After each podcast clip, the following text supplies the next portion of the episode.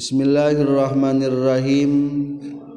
Kajian Kitab Safinatun Najah halaman 26 Fasal 13 Pangharaman Kajalmi Anu Hadas.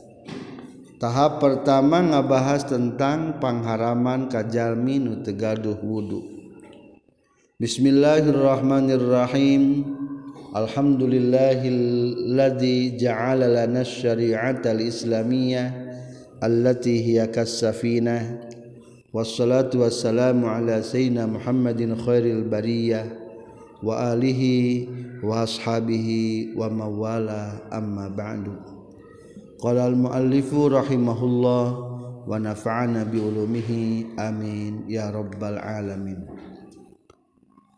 Bismillahirrahmanirrahim. Faslun ari ieu eta hiji fasal. Man ari saha jalma. Intaqadha anu narima batal. Naon wudu'uhu wuduna eman. Haroma taharam. Alaihi kayman naon arba'atu asya'a opat pirang-pirang perkara. As-salatu tegesna kahiji haram salat. Wa tawafu sareng kadua haram tawaf wa masul mashafi sareng katilu haram nyabak mashaf.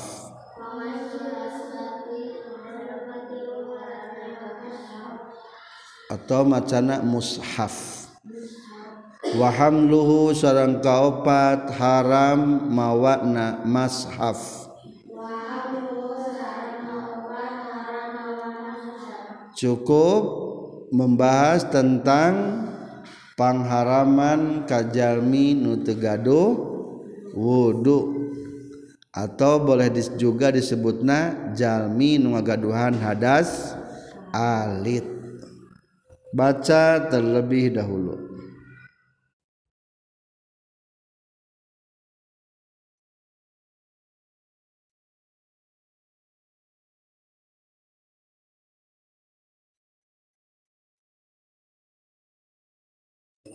pasal katilu belas pengharaman Kajalmi anu hadas. Bagian kahiji pengharaman Kajalmi anu teboga wudhu tegesna hadas alit. Haram Kajalmi anu teboga wudhu ayah opat perkara. Kahiji haram salat kedua haram tawab katilu haram nyabak mashab atau Quran. Kaopat haram mawa mashab atau Quran. Adik-adik pelajar yang berbahagia, gaduh-huduh hente gaduh berarti suci atau namina. Suci tina hadas. Ngan lamun tegaduh wudu disebutna gaduh hadas. Hadas manaon alit hadas ageng. Hadas alit. Lamun kedah wudu deui ngaranna hadas alit. Jadi kamari teh pembatalan wudu. salaras nama eta teh anu ngawajibkeun kana kudu de wudu de deui berarti hadas alit lamun kitu. Tah lamun urang teu gaduh wudu kade haram opat perkara. Sarang kumaha? Haram kajami anu teu boga wudu opat perkara. Kahiji temenang salat haram salatna orang nuju sok di masjid. Barang ruku tedut bahitut rek keluar isin. Lah api-api besok salatan dosa te dosa kan. Temenang api-api sosolatan komode salat beneran balik tegaduh hadas. Dosa. Atau kudu kumaha? Keluar cenage saya nama ditungkup. Pangambung nasab tungkup cing kumaha? Tah gitu. Langsung mah keluar cek batur teh karunyaeun eta kunaon si neng mana keluar palingnya gitu orangnya tanya-tanya. Puguh lain tiluhur keluar nama tihandap udah itu Eta. jadi kade menang haram so salat atanapi sujud wungkul. So kayak sujud naon sujud syukur. Main bola menang sujud langsung ya sok ayanya boga wudhu teh si eta teh. Kade teh boga wudhu mah dosa. Kedah gaduh wu, wudhu lagi nggak televisi masuk ayah televisi mah. Eta paling kita niat sujud tereyaan bakat ting atau dan temannya dalam sujud sahwi mah sujud syukur mah atau sujud tilawah mah kedah gaduh wu wudhu jabah kudu pakai tutup aurat. Hari kermen bola mata tutup aurat. Mata kadek temenang salat tegaduh wudhu mah. Rasulullah Shallallahu Alaihi Wasallam nyaurkan la yakbalullahu salata ahadikum iza ahdasa hatta yatawaddu'a. Allah mual nampi wudhu Allah mual nampi karena salat salat salah seorang maneh kabeh sehingga warudu heula. Jadi kedah abdas selanya atanapi khutbah Jumat kan wajib khutbah Jumat mah. Kudu naon eta ge? Kedah gaduh wudu. Dosa tegaduh wudu mah. Disaurkeun wa fi makna shalah khutbatul jum'ah. kumaha mulai khutbah Jumat eta mah teu matak dosa ngan paling ge teu meunang kasunatan. Lamun dina perkara anu sunnah aya khutbah. Contoh dina ngeker ngalamar atawa dina nalika rek pernikahan sunnah macakeun khut khutbah kari-kari nu macakeunana teu kaduheun wudu. Temenang pahala sunnat khutbahna. Mata kedah gaduh abdas kade kadua haram naon? Dua haram tawaf. Di mana tawaf sing ayana. Di Ka'bah wungkul. Ali tawaf teh artinya mengelilingi Ka'bah. Tangke lamun urang ke ka Mekah tawaf teh aya tilu hiji ayat tawaf dina haji. Atau tawaf dina um umroh. Eta mah disebut na tawaf ifadah. Hukumna wajib. Kedah abdas tah eta berarti hiji tawaf ifadah. Kedua atau tawaf kudum. Barang datang ke Mekah keliling-keliling Ka'bah terus. Kedah gaduh wudu atau bade pamitan rek uwi cing naon terakhir pekerjaan orang di Mekah ketika rek uwi tawaf heula soalnya di Indonesia mah moal aya tawaf Tawaf mah di mana wungkul? Di Ka'bah wungkul, muter. Jika dimuterna ke mana? Jika jam atau kebalikan jam. Muterna kebalikan jam. Ari jam ke mana muterna? Ka kanan, ka kanan, ka kanan, ka kanan. Cek orang. Ari tawaf mah kakiri kakiri kakiri kakiri eta ngaranna tawaf nah geuning kedah tawaf Ih, tak KBG muter. Cing urang darah, darah. Muter teh darah. Muter ditawapkeun diputerkeun darah ge kuca nuapkeunana ku jantung dipompa. Terang jantung na gambar gitu. Ah. Ngompa terus jantung, kamana darah muter, kamana muterna? Ka kiri. Hmm, sami jeung arah tawap. Tret tret tret ke kiri. Pernah ningali planet atau benda-benda langit? Sok muter tara kamana muterna ke kiri. Tret tret tret tret. Tah toa pun adalah ke mana muterna ke kiri. Tret tret. Jantan namanya jantan tanagi jadi kabeh muterna ke kiri. Seiring dengan perputaran tawaf betulnya Islam lain menang nyin manusia. Geus paket ti Allah taala. Sudah penuh mengandung rahasia-rahasia ilmiah di lebetna tah tilu ayat tuap naon? Tadi teh tawaf wa wada kaopat ayat dia tawaf tawaf sunnah. Selama orang di Mekah kedah sing seueur tawaf kedah sing seueur naon sing seueur tawaf ngulingan Ka'bah. Sapaketna kudu tujuh kuruling. Seberat tujuh kuriling. Ngaranna geus menang hiji. Teu meunang ngan sakur saputeran wungkul mah. Eta mah teu meunang sapaket tawaf. Sapaket tawaf mah kudu sabaraha? Kudu tujuh kuriling. Kakara sebut sekali menang. Tah kedah gaduh wudu. Kumaha ada abdi mah jeung istri urang cenah lagi kan pamengkeun istri batal wudu. Kumanya gitu batal wudu? Lamun tiasa mah ulah batal wudu. Muntang tah kana sabukna.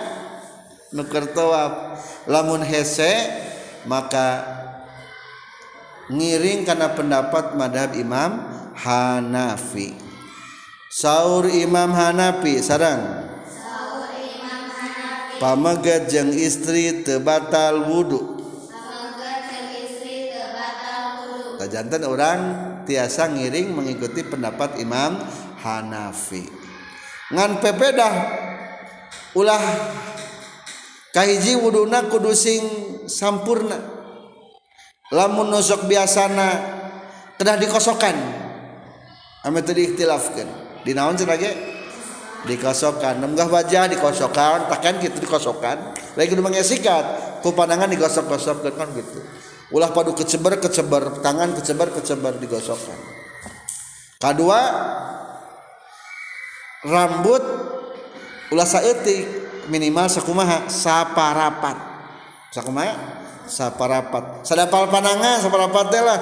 Tuh kan dapal panangan tuh geus saparapat. Sakit tuh cukup etanya ameh tiasa toaf. Katilu naon pangharaman? Haram nyabak mashaf. Nah atuh bahadal maulah masap-masap hese nyariosna. Tos be Quran. Ih kade. Ari Quran jeung masap benten teu. Salaresna mah hampir sami. setiap mashaf lain Quran. Ngan setiap ma ulangi kuma setiap setiap mashab pasti disebut naon? Quran. Dan mengandung ayat Quran. Jadi yang dimaksud mashab itu adalah se se segala sesuatu nu ayat tulisan Quran. Karena ide orang mah di lembur nu disebutkan Quran dan kumaha? Anu sakieunya sagojod di ayat pertama sampai ayat akhir ayat ini yang karena naon di orang mah Quran. Lamun lengkap 114 ayat surat disebutnya sanaon tasa kitu? Quran. Tah nu kieu. Lamun dibahasakeun Quran teh identik jeung nu kieu. Tah ari masab mah sanajan saayat disebutna naon eta? mashaf maka haram hukumna pa Ustad nuju nyerat dina papan tulis. Nulis ayat Al-Quran kedah gaduh wudhu teu kedah gaduh wudhu kumaha lamun teu gaduh wudhu peupeujeuh papan tulisna ulah dicepeng. Da papan tulis jadi naon? Mashaf naon mashaf teh? Sakur perkara anu ayat tulisan Quran. Naon cenah ge sakur perkara anu ayat tulisan Quran. Bari tujuanna ngadaresi Urang sok nulis tarana buku ayat Al-Qur'an. Oh sok. karena orang teh ker belajarnya. Kade kedah gaduh bat dosa tegaduh wudhu mah. Tenau-naon tegaduh wudhu ngan wali sepeng bukuna bisa teh lamun Pak Ustaz mah biasanya na guru mah datang cepeng papan tulisna. Neng neng mah moal tiasa. Mata kedah gaduh wudhu lamun tegaduh wudhu lah dicepeng loba tergaduh wudhunya dosa. Temenang nyabak mashaf komo Quran. Jadi komo naon senage komo Quran. Ari Quran masa gojo dia manggus pugu masab sadaya. Sesat masabnya sadaya geus pasti. Disebut nate. Sok aya di masjid kaligrafi Quran aya. Naon tujuanana? Kade anu kaligrafi teh bagusna tujuanana kudu ngalap barokah. Ngalap naon? ngalap barokah. Lamun tujuan aja apal kenen haram dicepeng eta kaligrafi. Lamun tujuan aja apal kenen atau aja ngaderes. Sok ayah gening ayah banner eta banner nuliskan tentang wiridan. Jadinya ayah ayat Al-Quran di eta banner hukumna eta banner haram dica dicabak. Da ayah ayat Quranan disebut nama saf. Ayat Quranan.